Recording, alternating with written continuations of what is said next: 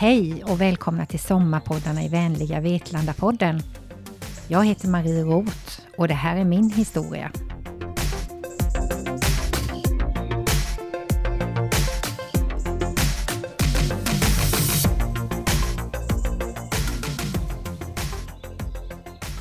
Vi har nu varit i en pandemi i snart ett och ett halvt år. Det var den 11 mars 2020 som WHO konstaterade att smittspridningen nu var så omfattande att det uppfyllde kriterierna för en pandemi. Ingen har väl undgått att se reportage i nyhetssändningarna som visat det intensiva arbete som pågått på våra sjukhus för att rädda liv. Sällan visas dock något av den nära vården, primärvården och vårdcentralernas arbete som i så mångt och mycket påverkas lika mycket, men på ett annat sätt. Det finns en risk att man vänjer sig vid att se den hårt arbetande sjukhuspersonalen och man glömmer bort att bakom det där visiret, masken, munskyddet, skyddsrocken och annat finns en människa som ger allt den har för att hjälpa sin medmänniska. Som är trött och sliten, bär på sina egna bekymmer och kanske genomgår något svårt för egen del. I april hade vi en vidareutbildning för våra sjuksköterskor i hur man hanterar svåra samtal i vår telefonrådgivning. Det var som att där och då förstod vi att det faktiskt var vi på vårdcentralen som varit första linjens sjukvård i ett land i kris. Vi hade hittills jobbat på för att lösa dagen, men nu kom känslorna, tårarna och samtalet om var och ens upplevelse. Pressen man känt när antalet samtal att ringa upp bara växer hur mycket man än jobbar på. Att kanske ha talat med någon som är svårt sjuk, någon som har många frågor och är väldigt orolig.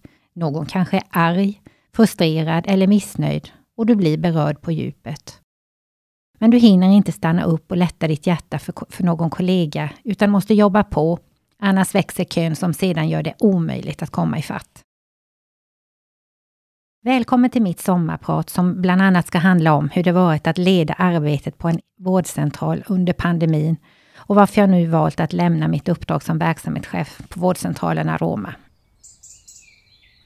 Jag heter Marie Roth, jag är 55 år och bor i Vetlanda tillsammans med min man Uffe. Jag är född och uppvuxen här och har bott i Vetlanda i hela mitt liv, förutom åren då jag studerade till sjuksköterska. Jag har arbetat i vården hela mitt yrkesverksamma liv. Det blir snart 35 år. När jag tog studenten från den treåriga ekonomiska linjen på Njudungsgymnasiet visste jag inte riktigt vad jag ville arbeta med. Jag hade haft funderingar på att bli sjuksköterska, men fick besked från syon att mina betyg nog inte skulle räcka till för att komma in på den ettåriga kompletteringskurs som krävdes för att bli behörig till sjuksköterskeutbildningen.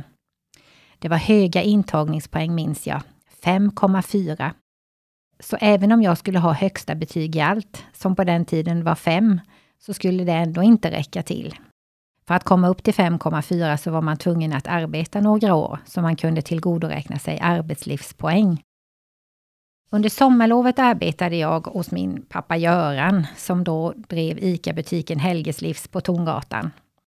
På hösten fick jag en som det då hette ungdomsplats eh, på det som på den tiden kallades långvården. Jag älskade arbetet från första stund. Det var roligt och intressant att möta de här äldre människorna, höra deras livsberättelser och hjälpa dem med det som de inte klarade själva. Jag tror jag fortfarande minns varenda en av de som bodde där och de som arbetade på avdelningen. Intrycket det gav kom ju att påverka mitt liv och mitt val av yrke. Och även om den vården då kanske inte är det som vi tycker är optimalt idag, så var det så det var och man gjorde det bästa man kunde för de äldre. Det var också intressant att höra om sjukdomar och hur man behandlade dem. Och det var spännande med att sätta dropp och ta blodprover. Nu visste jag att det var sjukvård som jag ville arbeta med. Under ett år fortsatte jag att arbeta hos pappa och kombinerade det med arbetet på långvården. På våren 1986 sökte jag den vårdinriktade kompletteringskursen, men kom inte in. Jag valde att stå kvar på en reservplats i juli blev jag hämtad för det hade kommit ett samtal från Hälsohögskolan i Jönköping. Jag satte mig på pappas kontor och lyssnade på vad man hade att säga. Jag hade tidigare tackat ja till en kurs som hade inriktning mot psykiatri. Men det var inte riktigt det jag hade tänkt, men tackade ändå ja och bad att få, få stå kvar som reserv till den andra kursen.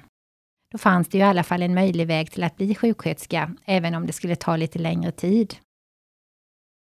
Det visade sig nu att någon hade hoppat av och jag fick möjligheten att komma med på den vårdinriktade kompletteringskursen och naturligtvis tackade jag ja. Och på den vägen är det.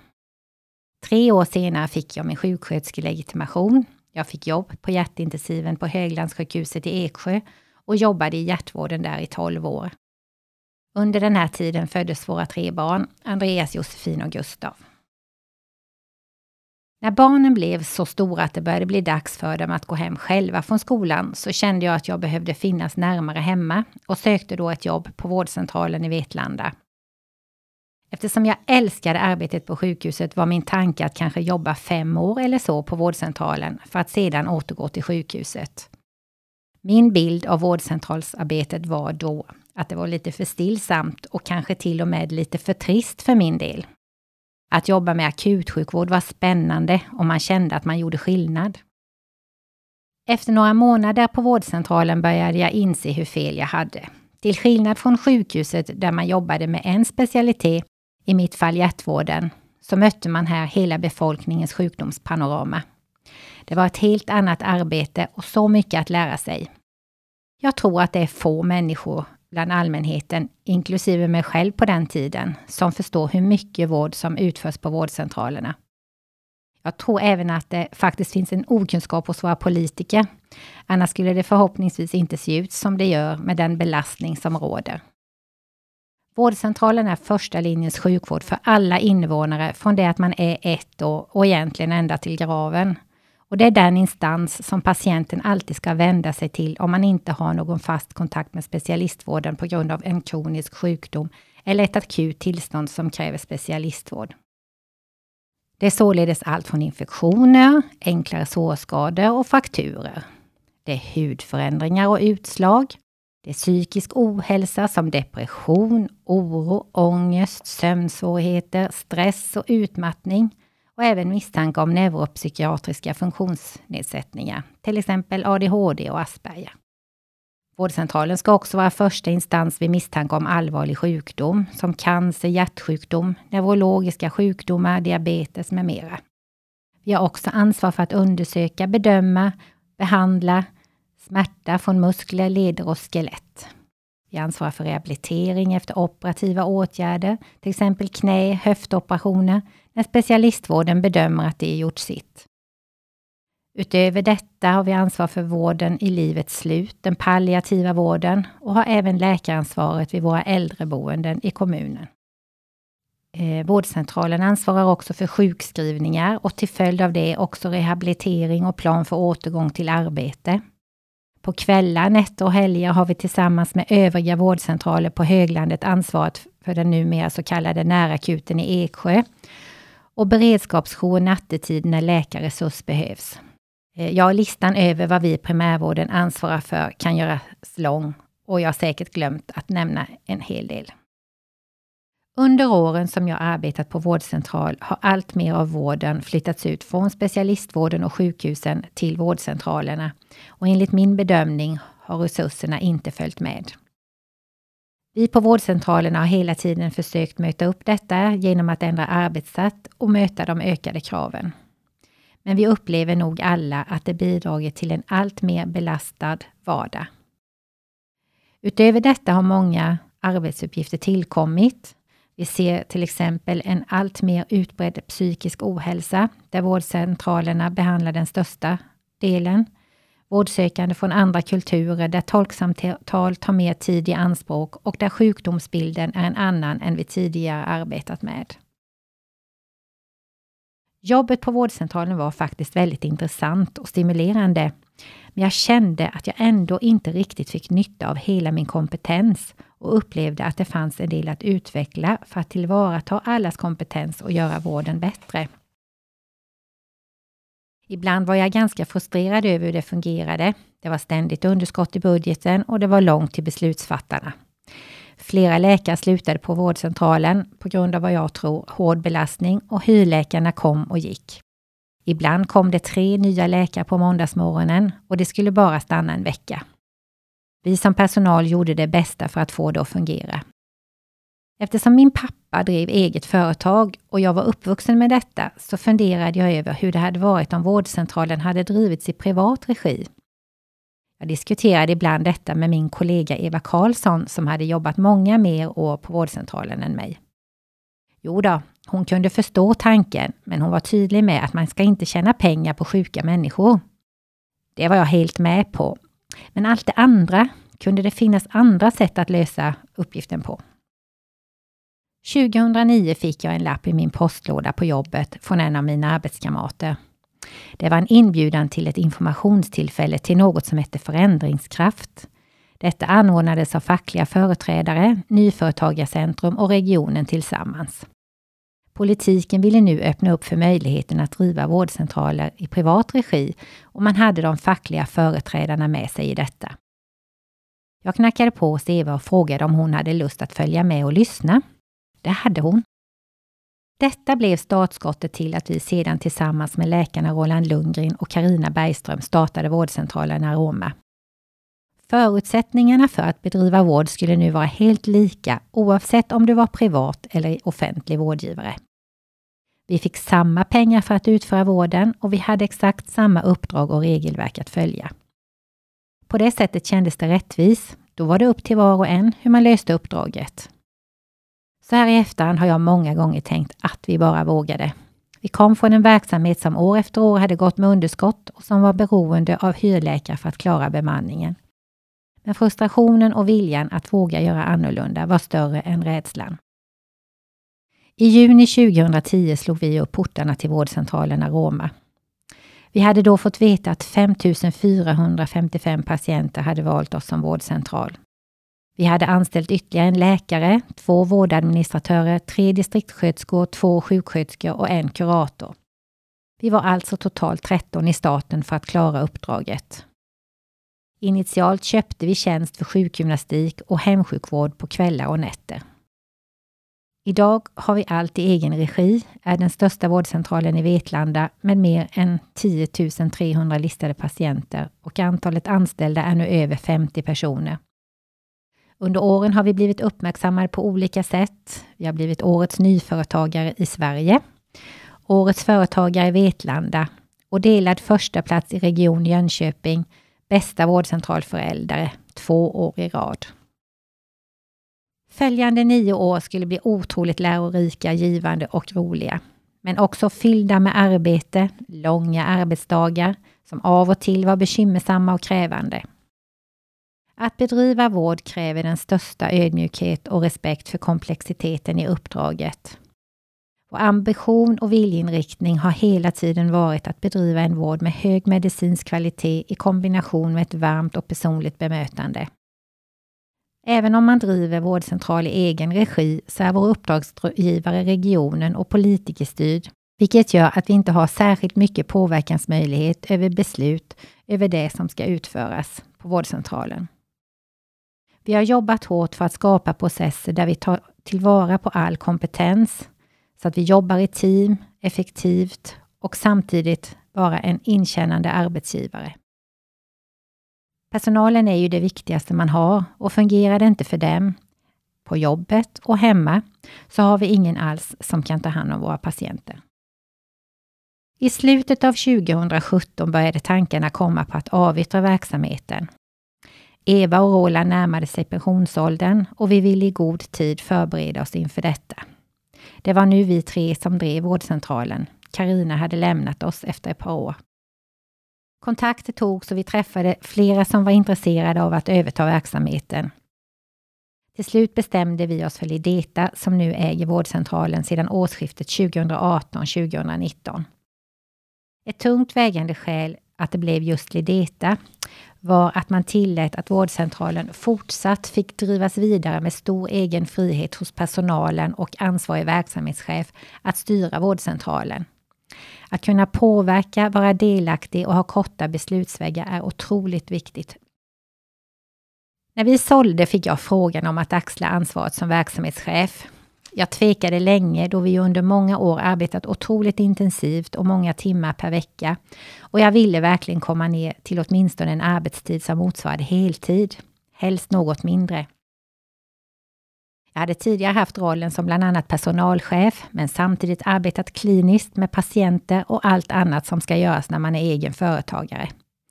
Som delägare är man ju insett i verksamhetens alla frågor, så egentligen skulle inte det här innebära någon större förändring rent arbetsmässigt. Med löfte om att tjänsten skulle bli helt administrativ och att denna organisationsförändring genomfördes tackade jag slutligen ja. Jag såg verkligen fram emot att få en mer rimlig arbetstid och mer fritid för att umgås med min familj och vänner samt förhoppningsvis också få lite tid för egna intresse som under de här åren närmast helt fått stå tillbaka. Strax efter det att jag tillträtt i januari 2020 började vi höra om ett nytt sars-virus som börjat sprida sig i Wuhan i Kina. Som ofta när man bor i Sverige så tänker man att det här kommer nog inte drabba oss och jag oroade mig inte så mycket till att börja med. 31 januari kom uppgift om att en kvinna som besökt Wuhan hade insjuknat med förkylningssymptom efter det att hon anlänt till Sverige. Det bekräftades att hon var infekterad med sars-viruset covid-19. Nu började man känna lite mer oro. Smittan fanns i Sverige. Man såg skräckbilderna på nyheterna från sjukhusen i Kina. Hur skulle detta komma att påverka oss? Hur skulle jag kunna skydda min personal vid en eventuell smittspridning i Sverige? De jobbade redan nu hårt och det var ansträngt. Och för min egen del hade jag också jobbat extra mycket vid den här tiden med den slutliga överlämningen till Ideta och arbetsdagarna hade varit långa. I början av februari kom det information om ytterligare misstänkta fall i Sverige. Vi skulle nu börja efterfråga när patienterna hörde av sig till oss om de hade varit utomlands. Om så var fallet skulle vi vid besök på vårdcentralen med anledning av övre luftvägssymptom använda visir, munskydd, plastförkläde samt handskar. För att skydda andra patienter skulle de inte sitta i väntrummet utan tas in på ett undersökningsrum direkt. Nu var viruset här och vi behövde börja förbereda oss på hur vi skulle jobba om smittspridningen ökade. I början av mars stegrades informationsflödet drastiskt, så ledningsgruppen beslutade att komma tidigare varje morgon för att gå igenom ny information och eventuella konsekvenser för vår arbetsplats. Vecka 11 hade jag försökt ta en veckas ledigt för skidsemester med familjen och befann mig i Branäs. Nu började man se en oroväckande händelseutveckling av coronaläget och jag kände frustration över att inte kunna vara på plats på arbetet. Familjen pustade och tyckte att jag någon gång faktiskt kunde försöka koppla av arbetet. Som verksamhetschef är man ju ansvarig för personalens säkerhet och arbetsmiljö samt organiseringen av arbetet. Och även om jag hade full tillit till att min ledningsgrupp skötte arbetet på bästa sätt hade det känts bättre att vara på plats. Jag satt mestadels vid datorn och tvn för att försöka följa utvecklingen. Under den här veckan kom det rapport från Folkhälsomyndigheten att fall nu konstaterats i Stockholm och Västra Götalandsregionen där man inte kunde koppla fallen till utlandsresa eller kontakt med bekräftad smitta. Folkhälsomyndigheten befarade nu att det fanns stor risk för spridning i samhället. Nu kom råd om att stanna hemma när man var sjuk, även vid lindriga symptom, och att begränsa sina kontakter när man var sjuk. Detta gällde alla, men framför allt personal i hälso och sjukvård. Det kom direktiv om att arbetet skulle inriktas på att skydda utsatta grupper, främst våra äldre. I Vetlanda kommun har vi alltid haft en god samverkan med ansvariga för den kommunala sjukvården. Medicinskt ansvarig sjuksköterska tog nu kontakt för att boka samverkansmöte för att diskutera frågor som skulle kunna uppstå och hur vi tillsammans skulle kunna förbereda oss i händelse av en allvarlig utveckling. Vi enades om att ses redan kommande vecka. Under hela den här pandemitiden har jag varit väldigt tacksam över det goda samarbetet som vi har i vår kommun. Vi har stöttat och hjälpt varandra allt vi har kunnat. Och detta har även kommit att gälla samarbetet med de andra vårdcentralerna. Utifrån direktiven att prioritet skulle vara att försöka skydda våra äldre började vi nu diskutera om vi skulle ställa in planerade besök på vårdcentralen i dessa grupper till exempel årliga kontroller och istället försöka sköta så mycket som möjligt på telefon. Allt för att inte utsätta dem för smittorisk. Samtidigt kändes det ju nu viktigt att säkerställa att patienterna var så välmående och välinställda som möjligt så att de inte skulle behöva söka sjukvården som nu började bli hårt belastad. Vi insåg nu att det sannolikt skulle bli en period där vi fick ännu mer att göra och att en del arbete skulle få skjutas på och som vi senare skulle få jobba i fatt. Vi börjar nu även diskutera att stänga vårt gym. Eftersom sjukhusen nu började bli hårt belastade och man såg att man skulle kunna hamna i ett läge där man skulle bli tvungen att göra prioriteringar för vem som skulle kunna få intensivvård och vård på sjukhus, så uppmanades våra läkare och vårdsamordnare att samtala med våra svårast sjuka kring deras inställning till vård i händelse av allvarlig sjukdom. Detta skulle dokumenteras i journalen så att uppgiften fanns om man blir sjuk. Samtal om så svåra saker kräver tid, omsorg, inkännande och kunskap och även möjlighet till ett personligt möte med patienten och dess anhöriga. Det här var verkligen en utmaning att få till på ett bra sätt. Men våra läkare gjorde så mycket de kunde utifrån de förutsättningar som då fanns. Under hela den första tiden var det mycket diskussion om vilka som skulle prioriteras för provtagning för covid-19. Initialt provtogs bara de som varit utomlands, sedan de äldre och sköra samt särskilt utvald vårdpersonal. Vi tillhörde inte den gruppen av vårdpersonal som var prioriterade och vi var frustrerade över detta. Vi kände stort behov av möjlighet till snabb provtagning och svar för att få vår personal med milda symptom snabbt åter i arbete. Vi började bli rejält pressade och behövde alla händer vi kunde få. Successivt ökade nu trycket på vår telefonrådgivning. Invånarna började bli oroliga och hade mycket frågor. Vissa dagar hade vi mer än det dubbla antalet samtal in till vår rådgivning jämfört med det som är normalt. Vi var ju trots allt inte flera händer. Och utöver detta skulle även vårdpersonalen stanna hemma vid minsta symptom och så även om deras barn var sjuka. Det blev därför oftare färre händer att göra jobbet. Efterhand kom ytterligare rapporter om snabb spridning i samhället. Personalen började känna oro och hade mycket frågor kring sin egen säkerhet. Är vi tillräckligt skyddade? Är vår skyddsutrustning tillräcklig? Kommer det att finnas skyddsutrustning när vi behöver den? Vi hörde rykten om att det fanns brist på detta. Fanns det risk att man tar smittan hem till sin egen familj? Frågorna var många. Naturligtvis delade jag personalens oro. Tänk om någon i min personal skulle bli allvarligt sjuk, kanske till och med avlida. Som ansvarig för deras säkerhet skulle det vara svårt att bära.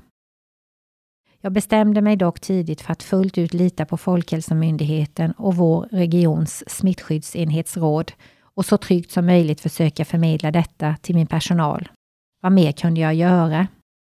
Så här i efterhand kan vi konstatera att den skyddsutrustning vi haft har varit tillräcklig och vi har bara haft någon enstaka smitta på vår arbetsplats och då har det rört sig om smitta från personal till personal och inte från patient till personal. Tack och lov har ingen blivit allvarligt sjuk. För att minska risken för smitta på vårdcentralen ändrade vi våra bokningsrutiner för vår närakut för patienter som bedömdes vara i behov av fysisk läkarbedömning. Patienterna måste nu ringa för att boka tid och de med symptom förenliga med covid-19 togs in via en separat ingång direkt in på ett rum när de anlänt. Under mars månad kom information och ändringar snabbt vartefter kunskapsläget och data gav ny information om viruset. Inkorgen i mejlen svämmade över med information. Utifrån att erfarenheter och ny kunskap kom till känna om viruset ändrades hela tiden riktlinjerna om hur vi skulle arbeta. Vi började nu med dagliga morgonmöten för all personal så att alla skulle vara uppdaterade på den senaste informationen och rekommendationer för handläggning av misstänkta fall samt hur vi utifrån detta skulle lägga upp vårt arbete. Vi fick instruktioner från regionen att prioritera vår telefonrådgivning för att möta invånarnas alla frågor och oro. Det kom tydliga direktiv att det fortsatte verksamhetschefen, oavsett läget, som alltid har ansvaret för att prioritera och fördela resurser utifrån aktuellt läge. Ibland kände man sig lite utelämnad i detta. Det kan man även göra under normala förhållanden, men nu om möjligt än mer. Parallellt med ovanstående pågick ju det vardagliga arbetet på vårdcentralen. Just då hade vi ett par sjuksköterskor och en vårdadministratör som valt att avsluta sin tjänst hos oss samt att min kollega Roland och vår kurator skulle gå i pension, så vi var full, i full färd med att rekrytera dessa kompetenser. Vi hade pågående anställningsintervjuer och samtal, viktigt och något som måste få ta tid och resurs. Tidigare hade vi hänvisats till att fråga infektionsjouren vid alla misstänkta fall. Nu börjar vi märka att de stödkanaler som skulle finnas för oss började bli överbelastade. Det gick inte att komma fram på telefon. Detta gjorde vårt arbete mer omständigt och tidskrävande. För att förhindra smittspridning stängde vi i mars månad vårt gym. Vi började förbereda oss för att komma igång med digitala vårdmöten samt att göra så mycket som möjligt via telefon. Mitt i allt annat som skulle göras. Personalen har varit och är helt fantastisk. De har hela tiden haft en positiv inställning till de ständigt nya arbetsuppgifter och rutiner som uppkommit i takt med de instruktioner vi fått. Att under så pressade omständigheter hela tiden vara beredd att tänka nytt och ställa om är otroligt krävande. För att minimera risker för smittspridning på arbetsplatsen insåg vi att vi skulle behöva skapa förutsättningar för att jobba hemifrån, något som vården inte gjort i så stor utsträckning tidigare. Vi beställde ett antal bärbara datorer för att personalen skulle kunna arbeta hemifrån. Detta gjorde att de som hade symptom eller vabbade kunde vara behjälpliga hemifrån. Det avlastade de som var på plats. I slutet av mars kom direktiv från regionen att vi måste släppa ifrån oss personal med IVA-utbildning för att kunna vara behjälpliga i covidvården på intensiven. Två av våra sjuksköterskor var intensivvårdsutbildade. I och med detta försvann en av våra sjuksköterskor med bara någon veckas varsel. Den andra sjuksköterskan hade redan bestämt sig för att avsluta sin tjänst hos oss och återgå till IVA. För att klara att ta emot alla patienter med infektionssymptom öppnades nu en tillfällig infektionsmottagning i Eksjö som skulle ha öppet alla dagar 8 till 22. Vårdcentralernas personal skulle bemanna denna och indelades i kluster om tre vårdcentraler per pass enligt schema. Jag fick ansvaret för schemaläggningen för vårt kluster. Konsekvensen av detta blev då att ännu mer personal försvann från det ordinarie arbetet på vårdcentralen. För att klara uppdraget med att bemanna den särskilda infektionsmottagningen fick nu våra sjukgymnaster och vårdadministratörer som normalt inte arbetar på närakuten börja lära upp sig och ingå i teamet. Det har varit fantastiskt att se hur alla haft en positiv inställning till att lära nya saker och kavla upp armarna för att hjälpa till. Alla har bidragit på det sätt de har kunnat för att avlasta på totalen. I slutet av maj kom en inbjudan från Folkhälsa sjukvård att vi nu ska börja arbeta med att ta fram ett koncept för ett hälsocenter i vår kommun. Vi hade tidigare sett att det fanns ett stort behov av det, men utmanande att orka med detta arbete nu under rådande omständigheter. Hur som helst så hade vi ett första möte och dessa har sedan fortgått under året. I september öppnar vi nu Vetlanda hälsocenter, pandemin till trots. Den 3 juni när vår semesterplanering är klar och vi gläds åt att alla verkar kunna få semester kommer besked om att från och med kommande vecka ska vårdcentralerna ansvara för all provtagning vid misstänkt covid-19. Vi ska även ansvara för att hantera uppföljning av alla svar. Patienterna ska kunna boka sig via webbtidboken eller ringa oss för att boka tid. Det är upp till varje vårdcentral hur man löser uppdraget. Ledningsgruppen tillsammans med personalen börjar genast tänka hur vi ska hantera detta. Vi kan inte ta in patienter med symptom på vårdcentralen. Då finns risk att smittan sprids. Vi måste hitta en annan lösning. Vi måste också göra en rutin för hur arbetet ska läggas upp, skapa en kalender och schema där patienterna kan bokas för provtagning. Hur ska vi klara bemanningen? Det behövs personal för att ta prover, för att lämna ut svar och fler i telefonen som behöver, för dem som behöver hjälp att boka tid. Vi måste säkerställa att vi har skyddsutrustning på plats och provtagningsmaterial. Vi köper ett tält på Biltema och ställer upp strax utanför vårdcentralen. Det får duga så länge. Det är i alla fall en början tills vi hittat ett bättre alternativ. Den 8 juni är vi igång som planerat. Första veckan tror jag det togs 500 prover i primärvården i vår region. Detta skulle snabbt skalas upp till flera tusen i veckan. Våra undersköterskor och sjuksköterskor har under alla veckans dagar tagit prover i regn, minusgrader, värme, alltid klädda i en väldigt oskön skyddsutrustning. Parallellt med ovanstående blir en av våra läkare sjuk och borta hela sommaren och bemanningen måste lösas. Otroligt nog klarar vi sommaren och alla kan få semester. Dels på grund av att vi på kort varsel får in vikarie och också en fantastisk insats av personalen. I september verkar det faktiskt som att smittan minskar. Kunde vi börja andas ut? Den särskilda infektionsmottagningen i Eksjö stänger den 16 september.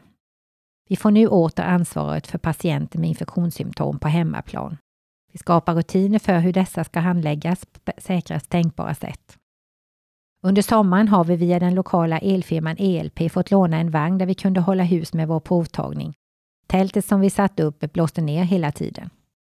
Efterfrågan på provtagning är stor och vi inser att vi kommer att få fortsätta ta prover även framåt och vi går mot en kallare årstid. Efter en del research får vi tag i en byggbod som inrymmer två kontorsrum som passar bra för vårt uppdrag. Vårdcentralerna får nu åter ansvaret för att göra smittskyddsanmälan när covid-19 påvisas. I slutet av 2019 hade vi påbörjat ett stort arbete med att förbättra vår arbetsmiljö. Parallellt med allt arbete med pandemin har vi även försökt att fortsätta det arbetet, om än långsammare än vi tänkt. Vi hade nu planerat för två dagars utvärdering och fortsatt planering för detta i slutet av september. Glädjande nog kunde vi genomföra dessa dagar innan pandemin åter tog fart och den andra vågen infann sig. Det blev viktiga dagar där vi gjorde en handlingsplan för att förbättra vår arbetsmiljö och också prata om vad som fungerade bra och vad som fungerade mindre bra. I slutet av september varje år görs en planering för den årliga vaccineringen av säsongsinfluensan. Vi uppmanas nu av vår regionledning att tänka nytt hur detta ska genomföras. Vaccinationerna kan inte ske som tidigare med drop-in verksamhet på vårdcentralerna. Det finns då risk för smittspridning. Vi får till oss att vi nog också får räkna med att det kommer vara fler som vaccinerar sig än vanligt. På vårt samverkansmöte med kommunen och de övriga vårdcentralerna lyfter jag frågan om vi ska samverka för att lösa uppgiften. Efter vårvalet 2010 hade vi som vårdcentraler inte samarbetat särskilt mycket, men nu var vi i ett annat läge och vi behöver hjälpa varandra för att spara vår personal och vår tid. Alla ställer sig positiva och här börjar ett samarbete som vi haft under hela pandemin. Det har vi haft mycket glädje och nytta av. Som ni alla vet sker från slutet av september till årsskiftet en snabb spridning av covid-19. Under någon vecka ligger Vetlanda topp 5 i landet för antal konstaterade fall med smittan. På jobbet får vi nu börja dela upp luncher och raster, börja använda visir och senare även munskydd vid alla kontakter där vi inte kan hålla avstånd. Att bära visir och munskydd är arbetsamt, det blir varmt och det påverkar huden. En del upplever det svårt att andas. Vi slutar med att ha gemensamma arbetsplatsträffar och övergår till veckobrev och möten inom bara den egna professionen. Varje morgon träffas först ledningsgruppen för att gå igenom om det är någon som är sjuk eller vabbar, om det kommit någon ny information och hur det påverkar arbetet utifrån förutsättningarna för dagen. Efter det har vi morgonmöte med information till våra respektive grupper. Under hela hösten är vi hårt belastade. Vår telefonrådgivning har i stort sett fortsatt det dubbla antalet samtalet in. Måndagar kan vi ha upp till 450 samtal in. Detta fördelat på kanske 4 till 5 sjuksköterskor. Övriga dagar 2 till 300. Vi försöker prioritera och ta in så mycket vikarier vi kan få tag på. Vårdcentralen har kravet på sig att alla som kontaktar oss för rådgivning ska få kontakt 15 minuter före eller efter utsatt uppringningstid och det ska inte dröja längre tills vi ringer upp än 90 minuter efter det man sökt oss. Pressen på våra sjuksköterskor är stor. Varje vecka får vi tilldelat hur många covidprover som får tas och det ska göras utifrån de prioriteringar vi får från Folkhälsomyndigheten och smittskydd. Patienterna är ibland frustrerade och irriterade över att man inte får komma. Sköterskorna försöker förklara, det mottags inte alltid väl. Allt eftersom andelen positiva fall ökar blir arbetet med smittspårning och smittskyddsanmälan en alltför betungande arbetsuppgift för våra läkare och sjuksköterskor. I november utbildar vi våra sjukgymnaster och arbetsterapeuter i det här arbetet. Vi jobbar fram rutiner och dokument för att arbetet ska vara patientsäkert. De klarar uppgiften alldeles utmärkt. Under hela pandemin har jag fått energi och kraft av att personalen så helhjärtat ställt upp och gjort sitt yttersta för att hjälpa varandra. I november börjar vi även med smittspårningsarbete under helgerna. Att komma ihåg är att parallellt med pandemiarbetet ska det övriga patientarbetet och ledningsarbetet utföras. I regionen ska det implementeras ett nytt arbetssätt med så kallade personcentrerade sammanhållna vårdförlopp. När vi är som mest belastade börjar de första mötena kring detta. Vi jobbar parallellt även med uppstarten av hälsocentret. I december genomför Lideta miljörevision för att vårdcentralen ska bli miljöcertifierad med allt vad det innebär. Julen närmar sig. Den 18 12 kommer det påbud från regionen att den största vårdcentralen i kommunen ska ansvara för att ha öppet för provtagning den 26 12 och andra i första.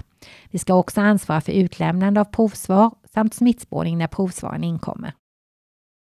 Återigen faller vår planering och vi får tänka om. Min fantastiska personal ställer upp. Eftersom helgerna innebär fler dagar när vårdcentralen är stängd får vi även uppdrag att ha beredskap för läkarinsats vid ett eventuellt större utbrott på någon av våra äldreboende. För att spara våra läkare tar jag ansvaret för att dagligen under helgdagarna ha kontakt med kommunsköterskorna för att stämma av läget. Tack och lov är det inget behov av våra insatser utöver detta under dessa dagar. Den 5 januari kommer den första informationen om uppdraget att ge vaccination mot covid-19. Det är den största vårdcentralen i varje kommun som ska ansvara för att vara vaccinsamordnare. I uppdraget ingår att vaccinera på vardagar, att registrera i vårt vaccinationsregister, att ordinera samt att ta emot vaccin där kommunen sedan kan hämta för att ge till de boende på äldreboende samt de som har hemsjukvård. Samverkan fungerar. Varje vårdcentral önskar ta ansvar för att vaccinera sina patienter. Det är många, många frågor dock som ska lösas. Vi måste följa den prioritering som beslutats av Folkhälsomyndigheten om vem som ska ha vaccin. Hur ska vi lösa lokalfrågan? Hur ska vi få personalen att räcka till? I slutet av januari kommer information om att ett nytt vaccinationsregister, Mitt vaccin, ska införas. Här kan patienterna boka sig för vaccination. Vi kan lägga ordinationer och registrera givna doser. Nu måste vi lägga upp kalendrar och schema där patienterna kan boka sig. Personalen måste hinna få utbildning och vi hinner precis klart med detta till systemet tas i bruk den 3 februari. Initialt har systemet flera barnsjukdomar. Personal och patienter blir frustrerade. Det införs nu vaccinationsmöte varje torsdag morgon för alla primärvårdens chefer. Utöver detta har vi varje onsdag morgon sedan en tid tillbaka samverkansmöte med Höglandssjukhuset, chefer för biståndsanläggare i kommunen, medicinskt ansvariga sjuksköterskor i höglandskommunerna samt smittskydd. Vi har även ett så kallat pandemimöte varje vecka där den regionala särskilda sjukvårdsledningen ger information om läget i vår region, nyheter med mera. Vi har även ett lokalt samverkansmöte varje onsdag eftermiddag. Att alla i systemet nu gör sitt och tar ansvar är av största betydelse för att det ska fungera. Smittspridningen ligger på en konstant hög nivå, men i januari börjar man skönja en avplaning. I februari börjar vi planera för massvaccinering och ett gemensamt vaccinationscenter tillsammans med övriga vårdcentraler. Vi landar ganska snart i att Hydro Arena lämpar sig bäst. Företrädarna för Hydro ställer sig positiva. Vi är då lyckligt ovetande om allt strul som väntar med förseningar av och minskade vaccinleveranser. Det är otroligt mycket som ska planeras in i minsta detalj innan vi kan gå igång. Personal ska anställas, rutiner utarbetas, det ska läggas schema och mycket mera. Det är nu jag börjar uppmärksamma hur trött jag är. Jag känner mig energilös och splittrad. Frustrationen är stor över känslan av otillräcklighet, att man alltid borde göra mer och att man aldrig blir färdig. Familjen är orolig. På helgerna sover jag 12 till 14 timmar per dygn. På veckorna har jag svårt att sova. Jag tänker på jobbet hela tiden. Jag längtar efter att vara ledig, att sakta ner, reflektera och ha tid att tänka. Längtar efter att ha tid med min familj. Successivt växer beslutet fram att lämna mitt uppdrag och ta en paus från arbetslivet. Jag våndas och grämer mig för känslan att jag sviker medarbetarna. I mars förmedlar jag min avgång och min sista dag blir den 31 augusti. Då tänker jag att då är nog massvaccineringen förhoppningsvis klar och smittoläget avsevärt mindre och förhoppningsvis börjar allt återgå mer till det normala. Jag känner att jag möts med omtanke, förståelse och respekt. Den 23 april startar vi det gemensamma vaccinationscentret. Vi har gjort ett stort rekryteringsarbete och har nu ett antal pensionärer som ställer upp och tillsammans med oss löser uppdraget. Vi är så tacksamma för deras insats. Vid några tillfällen får vi problem med nätverket, men på det hela stora taget flyter det på bra. Varje vecka får vi preliminära leveransplaner för vaccinet och som först fredag eftermiddag den slutliga planen för kommande vecka. Först då kan vi lägga ut alla bokningsbara tider. Vissa veckor får vi avsevärt mindre vaccin än vad vi planerat för och vi får då ringa återbud till våra inbokade patienter. Jag minns särskilt en kväll när jag och min kollega Anna bestämt oss för att jobba över och ringa upp alla som låg i kön i den telefonlinje vi har för att boka sig för vaccination.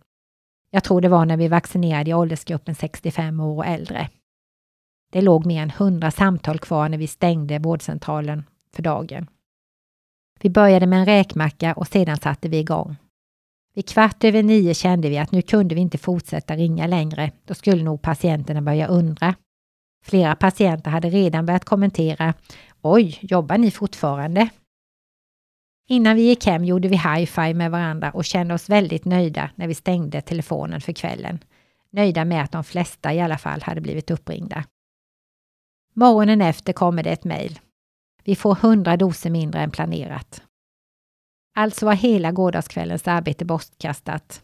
Nu väntar det lika många samtal för att meddela att tyvärr kan du inte få din vaccination utan vi får, du får vänta. Vi visste inte om vi skulle skratta eller gråta. Efterhand har vi lärt oss att navigera och balansera mellan hur många tider vi vågar lägga ut i förhållande till att det måste finnas tider att boka sig på. Min kollega Anna har blivit grym på detta och har total järnkoll. Nu har jag bara två veckor kvar av min tjänstgöring som verksamhetschef. Efter det väntar sex månaders ledighet. Det mesta täcks med övertid från den här tiden under pandemin. Som planen är nu kommer jag sedan att återgå till arbete som sjuksköterska och då kommer jag att jag arbetar deltid. Vi får se hur tankarna går när man stannar upp och får lite betänketid. Jag har lärt mig otroligt mycket under den här tiden och är så tacksam över mina medarbetares förståelse för att det är bara vi som kan göra det här. Det har inte funnits någon annan som kan göra vårt jobb och därför har man kämpat på och ställt upp. I backspegeln kommer man säkert att kunna se att det har varit bättre att göra si eller så. Men det är alltid lätt med facit i hand. Till alla medarbetare vill jag bara säga, ni har varit helt fantastiska. Och utan min ledningsgrupp hade det aldrig gått. Ni har alla tagit ett jätteansvar och vi har fördelat ansvaret och gjort det tillsammans. Och för att använda Karins uttryck, ni är grymma. Ett stort tack också till alla våra pensionärer som ställt upp och hjälpt oss i vaccinationsarbetet. Ett särskilt tack till min kollega och före detta kompanjon Eva som haft högsta beredskap där hemma och ryckt ut varje gång vi ringt om någon varit sjuk, ledig eller vabbat. På tio minuter har du varit igång med att ringa i telefonrådgivningen. Och Eva, vi kan ju konstatera att det gick ju faktiskt att göra vårdcentralsjobbet på ett annat sätt. Slutligen stort tack till min man och familj som stått ut med en fysiskt och mentalt frånvarande familjemedlem under en lång tid. Tack för mig. Du har lyssnat på Sommarpoddarna i vänliga Vetlanda-podden. En poddproduktion av Vetlanda kommun